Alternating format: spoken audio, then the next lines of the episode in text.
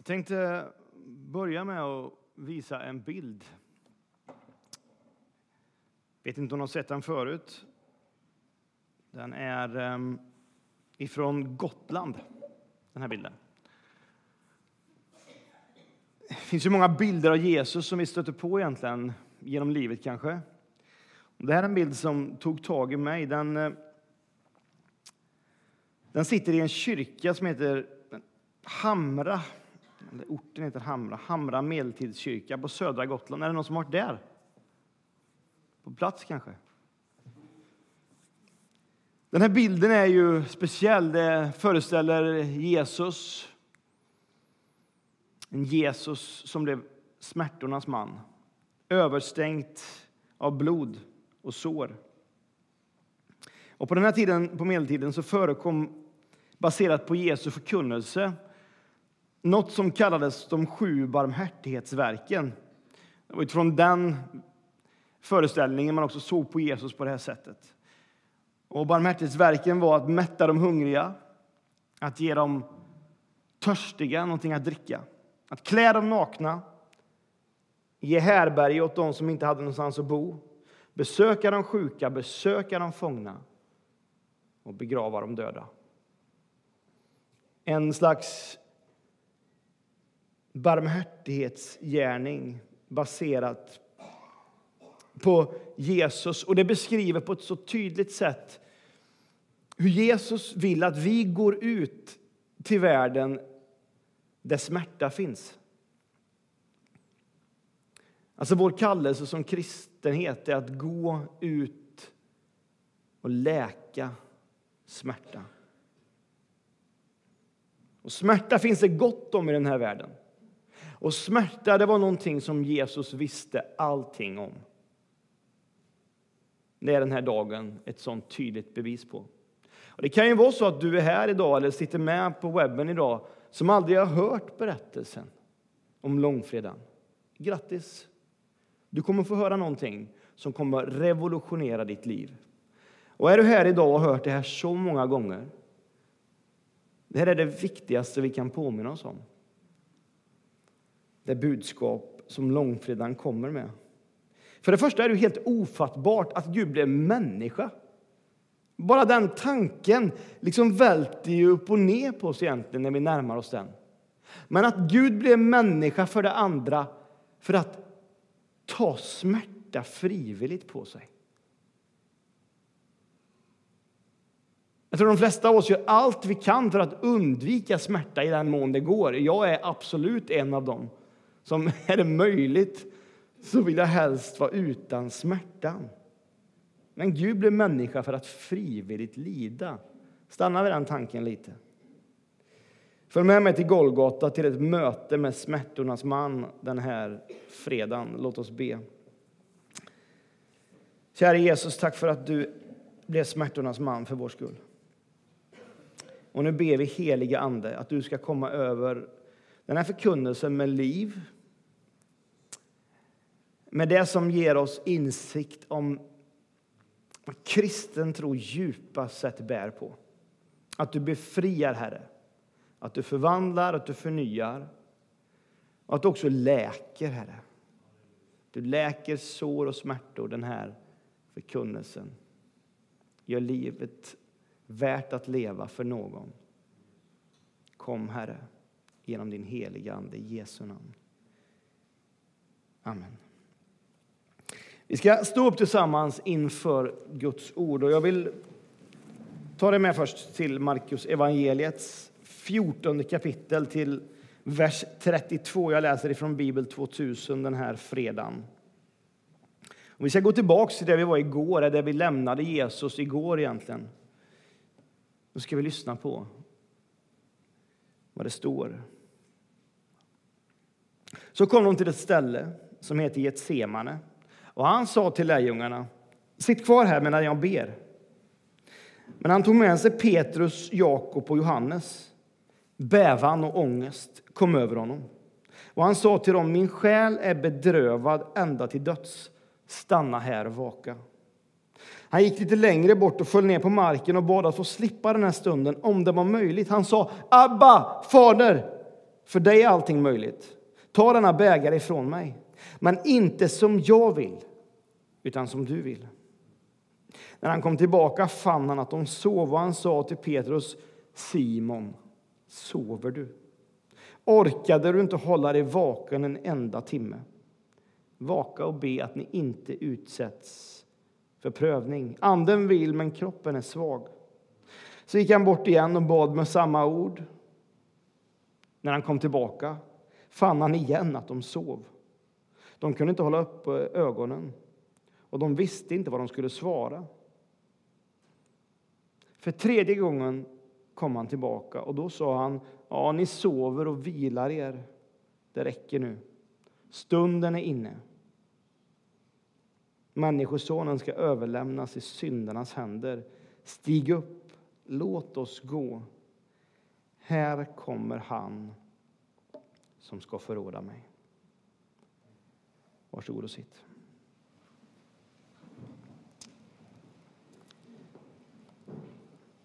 Jag menar att den här fredagen möter Jesus i sin mänsklighet åtminstone tre typer av olika smärtor som du och jag kommer i kontakt med i olika delar av livet på något sätt. Och den första smärtan som vi får beskrivet av Markus här, som Jesus inte kommer undan, det är den psykiska smärtan.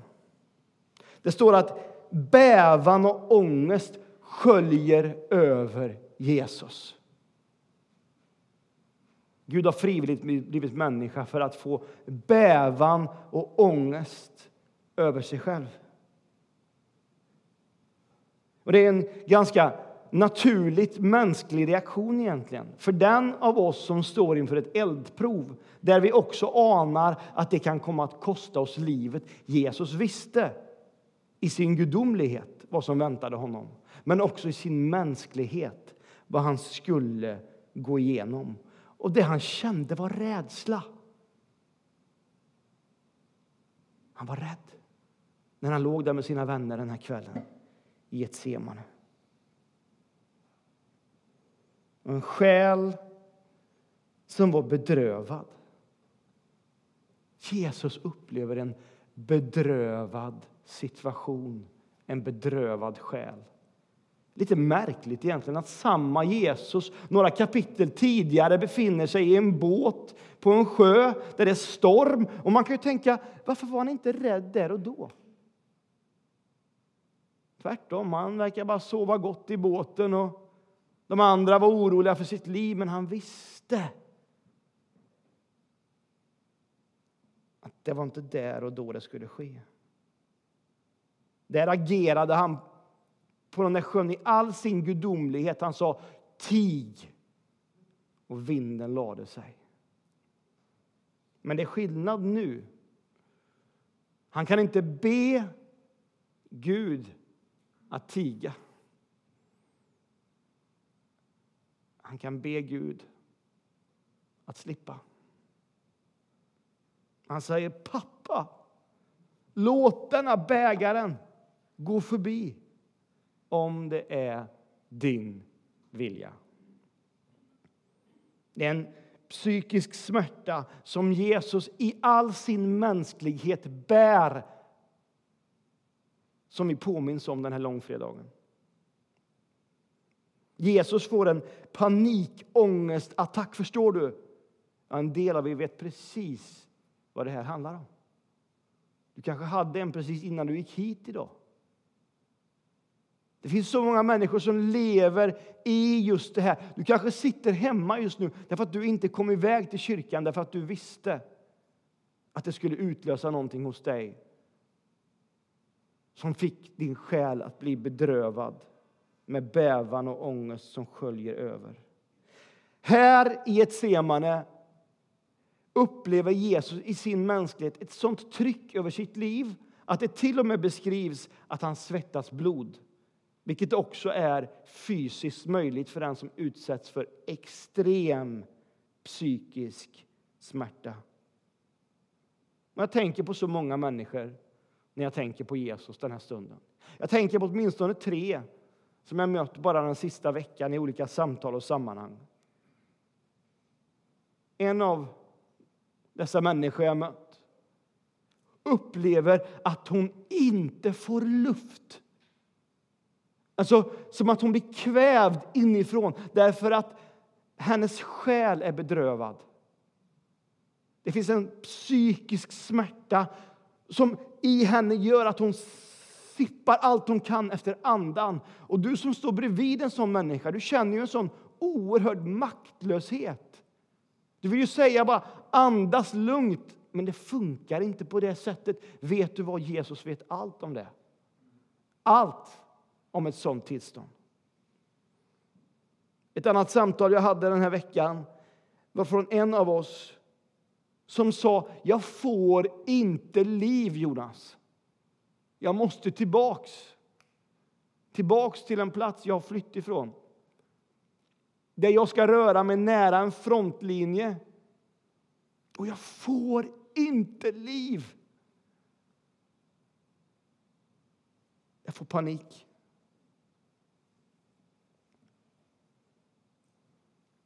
Jesus vet allt om det här, säger Bibeln.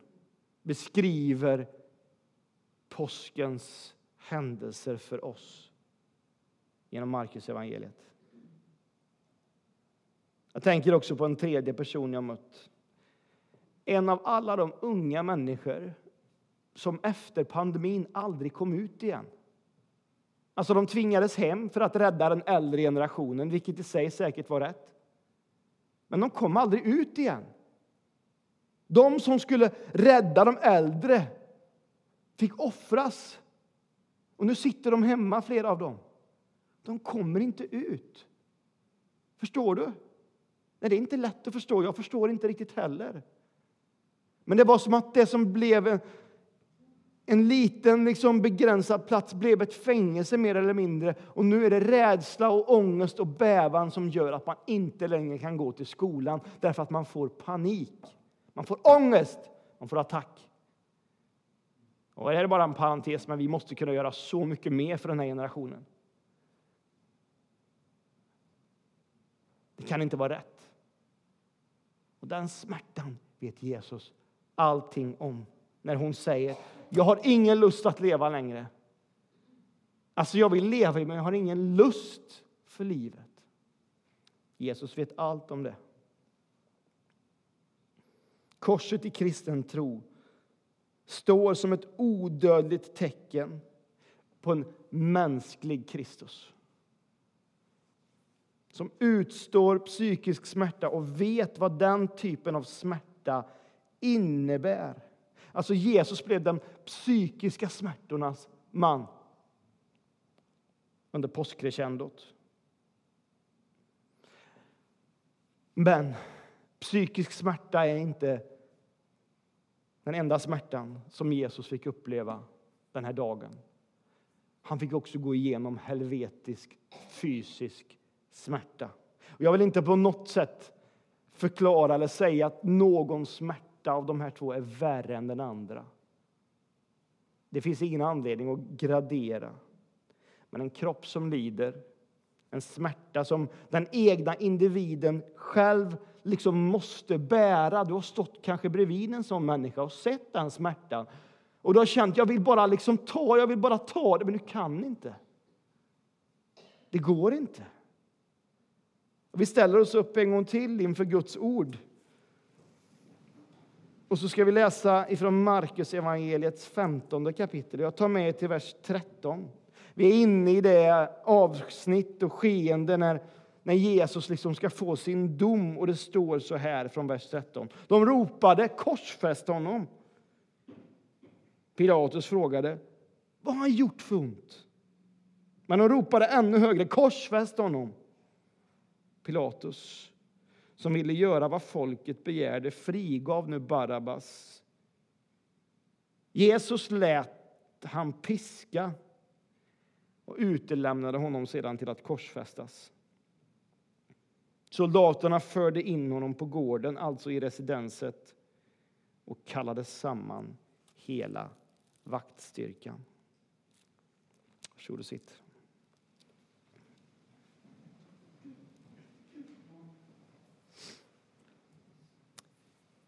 I mitt jobb som pastor så ingår det ju nästan dagligen, skulle jag vilja påstå, att möta människor med en kropp som lider.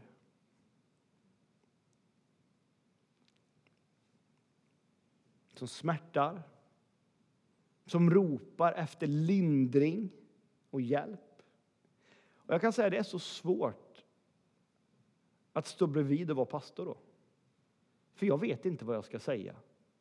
Jag kan ju inte säga att jag vet hur det känns, för det är väldigt sällan man vet exakt hur det känns för någon annan. Det vore att ljuga. Jag kan inte säga att det kommer bli bra, för jag kan inte vara säker på att det kommer bli bra. Det vore ju också att lägga någonting av ett löfte som kanske inte håller i munnen. Vad ska man göra när man står där bredvid? Man behöver inte vara pastor för att uppleva det här. Det räcker att bara stå bredvid en människa och vara medmänniska. Och förstå smärtan, det kan vi aldrig riktigt göra som den personen tvingas genomlida. Jag fick bara en sån påminnelse om det här häromdagen. Vi tog chansen så fort vi fick den, stack upp till, till fjällen och åkte lite skidor efter gudstjänsten i söndags. Jag och mina barn och en kompis och hans barn. En sån där vet, mål i livet, vi som växte upp tillsammans liksom, och upplevde, upplevde goda år. Och sen nu helt plötsligt så har vi egna barn och så kan vi åka upp och åka skidor tillsammans. Och Ja, vi hade det så gött. Solen lyste över stöten. Särens bästa skidåkning, det vet ni ju alla.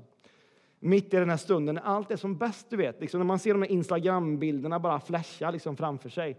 Det är ju aldrig så bra i någon semester, på någon resa egentligen. Rätt som det händer ju någonting. Så när, när jag står där vid liften och Johan, som han heter, kommer liksom gåendes med sin bräda och min dotter kommer gåendes med sin bräda, eller bredvid har hon brädan som hon har lånat och testat. Och jag ser på henne att hon bara hon har så ont. Och hon brukar kunna bita ihop. Alltså, det är ont på riktigt. När hon har tagit emot sig med, med handlederna i den här nya sporten hon håller på att lära sig, som hon tycker är så rolig. Och så bara... Och när vi vandrar liksom nerför backen här tillsammans och jag går bredvid henne och hon säger till mig Alltså varför? Då är det ett eko som jag får uppleva om och om och om igen. Alla dessa varför. Och så säger hon en sak som jag slås av också. Hon säger, men Jesus visste ju det här Jonas, eller pappa.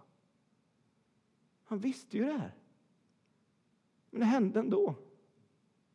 Jag har så ont. Och det är så svårt att stå bredvid som pastor eller som pappa. När smärtan är där.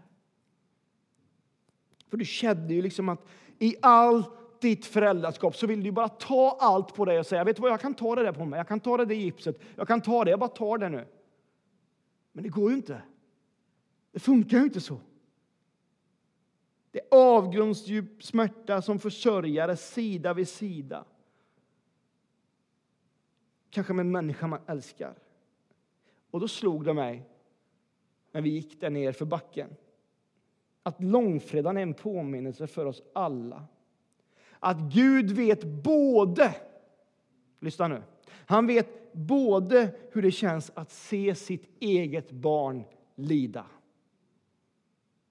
Han vet allt om det. Och att genom Jesus Kristus känna smärta som kroppen tvingas utstå när lidandet står till. Han vet både vad det är att vara pappan och att vara barnet. Han kan verkligen säga, jag vet hur det känns, hur det är. Att bli bunden, piskad, bespottad. Ja, vi hörde det i texten. Att tvingas bära sin egen avrättningsmetod fram till slutet på sitt liv med bjälken som skulle liksom sträckas ut för den här världens skull. Armar utsträckta för världens skull. Men också armar som påminner oss om den enorma fysiska smärta som Jesus utstod på Golgata kors. En fullständigt vidrig avrättningsmetod det här. Korsfästelse. Tvingade kroppen till enorm ansträngning och smärta innan det till slut var över. Romarna visste vad de gjorde. Eller så hade de ingen aning om hur fruktansvärt de gjorde detta. Slitet tills kroppens lungor inte orkar lida längre och då är allt över. Några timmar senare är allt över. Och vi är här nu, vi är i smärtorna nu, vi är mitt i långfredagens budskap just nu. Och vi kan känna att vi vill vända bort blicken och tänka på något annat och plocka lite liljor och käka lite ägg. Men vi är där nu. I den smärtan som Jesus utstår och som så många av er också får känna. Jesus blir smärtornas man där på Golgata. Och den lidande tjänaren som profeten Jesaja hade med profetisk urskiljning, gudomlig precision skrivit om 700 år tidigare får sitt ansikte. Så här skrev han. Han var föraktad och övergiven av alla, en plågad man, van vid sjukdom. En man som man vänder sig bort ifrån. Han var föraktad utan värde i våra ögon. Men det var våra sjukdomar han bar. Våra plågor han led när vi trodde att han blev straffad, slagen av Gud, förnedrad. Han blev pinad för våra brott, sargad för våra synder. Han tuktades för att vi skulle helas. Hans sår gav oss bot. Vi gick alla vilse som får, var och en tog sin egen väg. Men Herren lät vår skuld drabba honom. Han fann sig i lidandet. Han öppnade inte sin mun. Han var som lammet som leds till slakt eller tackan som är tyst när hon klipps. Han öppnade inte sin mun. Han blev fängslad och dömd och fördes bort. Och vem ägnade hans öde en tanke? Han blev utestängd från de levandes land, straffad för sitt folks brott. Ibland räcker det nästan att läsa det där och tänka det hände 700 år innan det hände. För att tänka, oj, är det bara tur? Eller är det så att med gudomlig precision så urskiljs av Jesaja det som skulle bli berättelsen om en Gud som inte bara blev människa, han blev smärtornas människa. För att veta vad du och jag går igenom. Omkring år 1900 skriver Fanny Crosby sången som säkerligen många av oss har hört. Tell me the story of Jesus. Och du har ju hört den på så många sätt kanske. Låt mig få höra om Jesus. Och den är ju sådär glättigt god, liksom som en sång kan vara i ett missionshus en kväll när det liksom vankas fika med fika i påse och sådana grejer. Liksom. Och, och så sjunger vi liksom där en bit in i sången. Låt mig få höra om korset kvalen och smärtan han led. Och visst måste vi reagera då. För är det ens möjligt att sjunga på det sättet? Om korset och kvalen och smärtan han led. Jag tror egentligen att det Crosby vill åt. För jag måste säga, jag har svårt att sjunga den textraden i dur. Det är moll för mig. Det är fullständigt mörker för mig. Egentligen. Sen blir det ljust. Jag kan inte sjunga den i glädje, men jag kan sjunga den i tacksamhet. Och jag tror egentligen det är det Crosby vill åt. Låt mig få höra om korset. Kvalen och smärtan han led för min skull. Han blev inte bara en man, han blev en smärtornas man.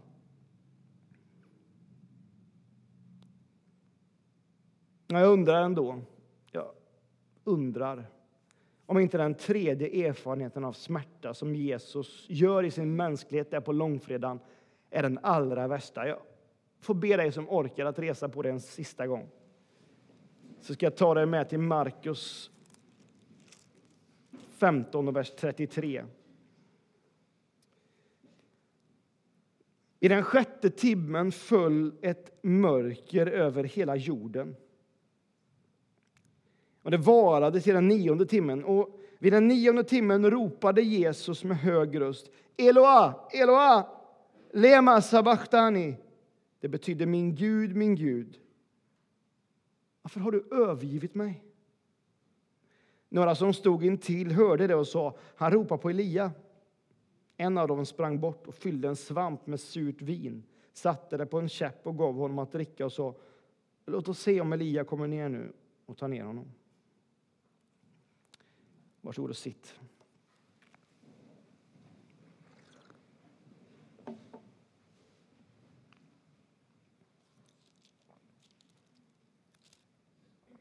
Kan ni höra hur det ekar? Kan ni höra hur det ekar ut än idag? Orden från en övergiven, uppgiven, ensam människa som inte ens förmår förändra sin situation överhuvudtaget. Kan ni höra hur det ekar? Eloa, Eloa, lema sabachthani. Min Gud, min Gud, varför? Varför? Varför? Varför har du övergivit mig?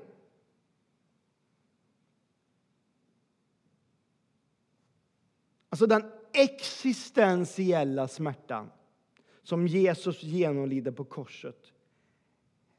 Den är häpnadsväckande å ena sidan. Å andra sidan vardagsekot för så många människor i vår värld. Psykisk smärta den är fruktansvärd.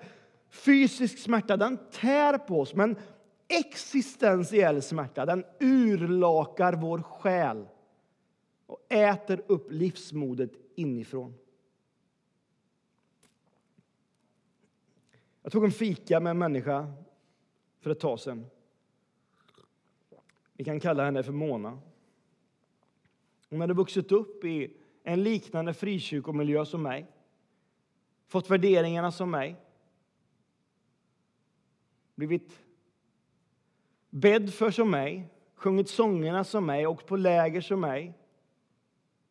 Stått upp för sin tro som mig, funderat över livets framtid som mig. Lärt sig texterna som mig, hört predikningar som mig och så vidare. Men när vi satt där liksom mitt emot varandra så var våra liksom liv på olika ställen. Och hon säger så här, jag har kommit fram till att jag är övergiven i detta universum. Alltså jag har, tro mig, jag har försökt. Men jag har också känt att jag måste vara rättvis mot mig själv. Jag har liksom nu som vuxen velat på något sätt fundera över varför jag är den jag är. Och det som har fyllt mitt liv med så mycket, om det är på riktigt. Och så har jag kommit fram till, Jonas, att jag är övergiven i detta universum. Att Gud som format min identitet egentligen bara var ett luftslott. Alltså jag har mått bra mycket av det jag har fått, men jag tror inte på det. Och så säger hon, jag trodde att det skulle vara befrielsens insikt. Men smärtan när jag kom fram till resultatet, den är enorm. De där orden ekar i mig. Jag är övergiven i detta universum.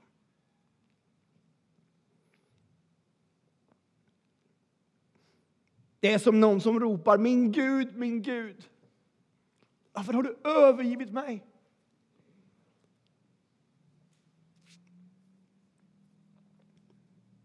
Jesu ord på korset ekar ut över världen. Det ekar ut ifrån varje skyttegrav i Ukraina, utifrån varje massgrav i Libyen, utifrån varje mor i Jemen som tvingas begrava sitt barn, utifrån varje själslig vallgrav som bildats efter mäns våld mot kvinnor, ut från varje upphittad livlös kropp som fått sin grav ibland rasmassorna i Turkiet. Min Gud, min Gud, varför?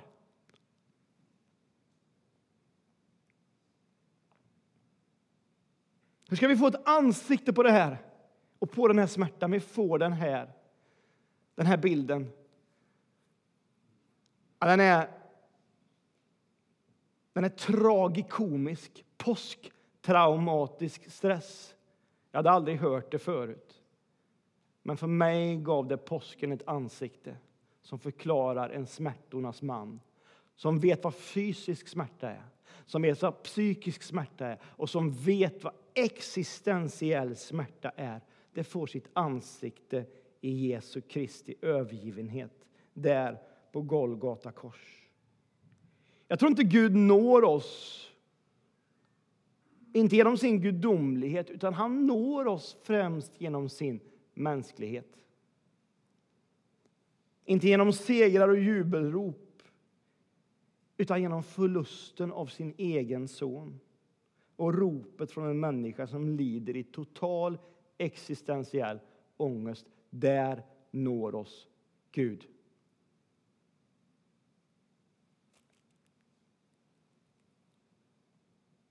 Avslutningsvis. Jag läser några sista rader. Du får följa med från Markus återberättelse. Och den är bäst att sitta ner när jag läser det här. Markus 15, 37 och framåt. Med en hög röst och högt rop slutade Jesus att andas. Och då brast förhänget i templet i två delar, uppifrån och ner. När officeren som stod vänd mot honom såg honom ge upp andan på det sättet sa han den mannen måste varit Guds son. Alltså Jesus tar sitt sista andetag. Och när han gör det så rasar skiljemuren mellan Gud och människa. Den är raserad en gång för alla och illustrationen kan inte bli tydligare än den vi faktiskt får där och då.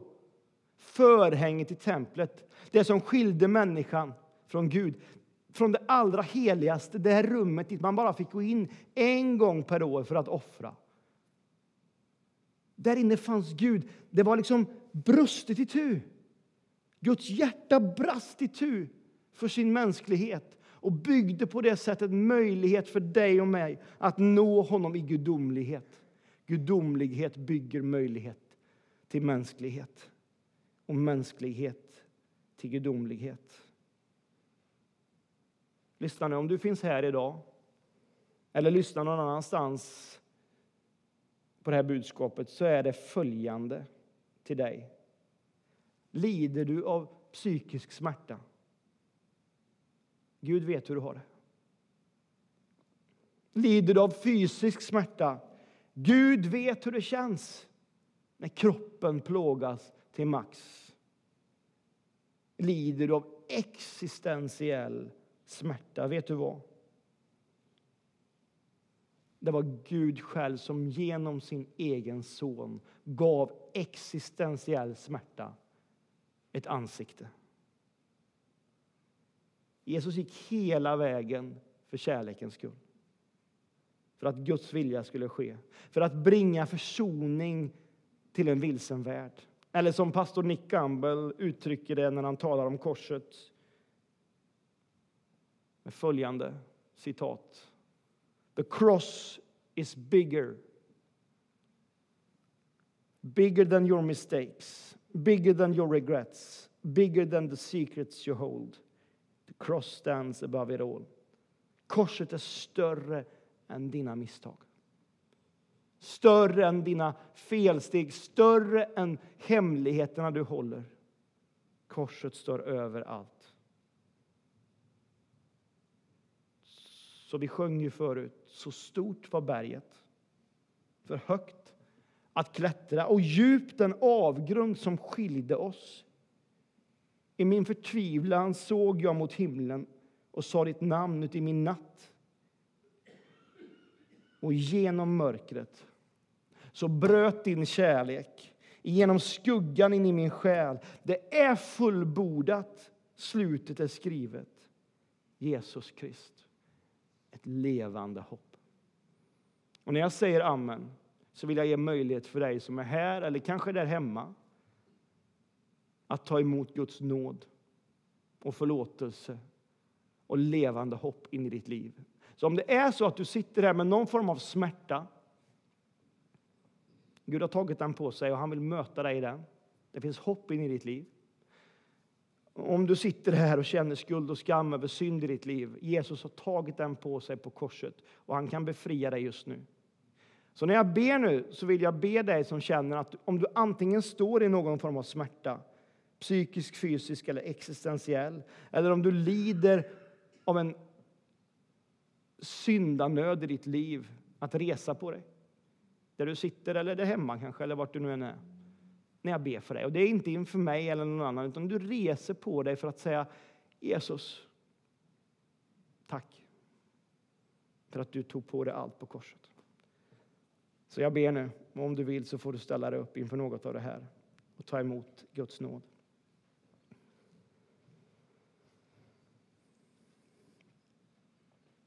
Jesus. Jag tror att det här kan få vara en helig stund för någon eller några människor den här långfredagen. Vi är på helig mark, Herre, för att du är här med din heliga Ande och vi är här, vi som har skapats till din Sons avbild.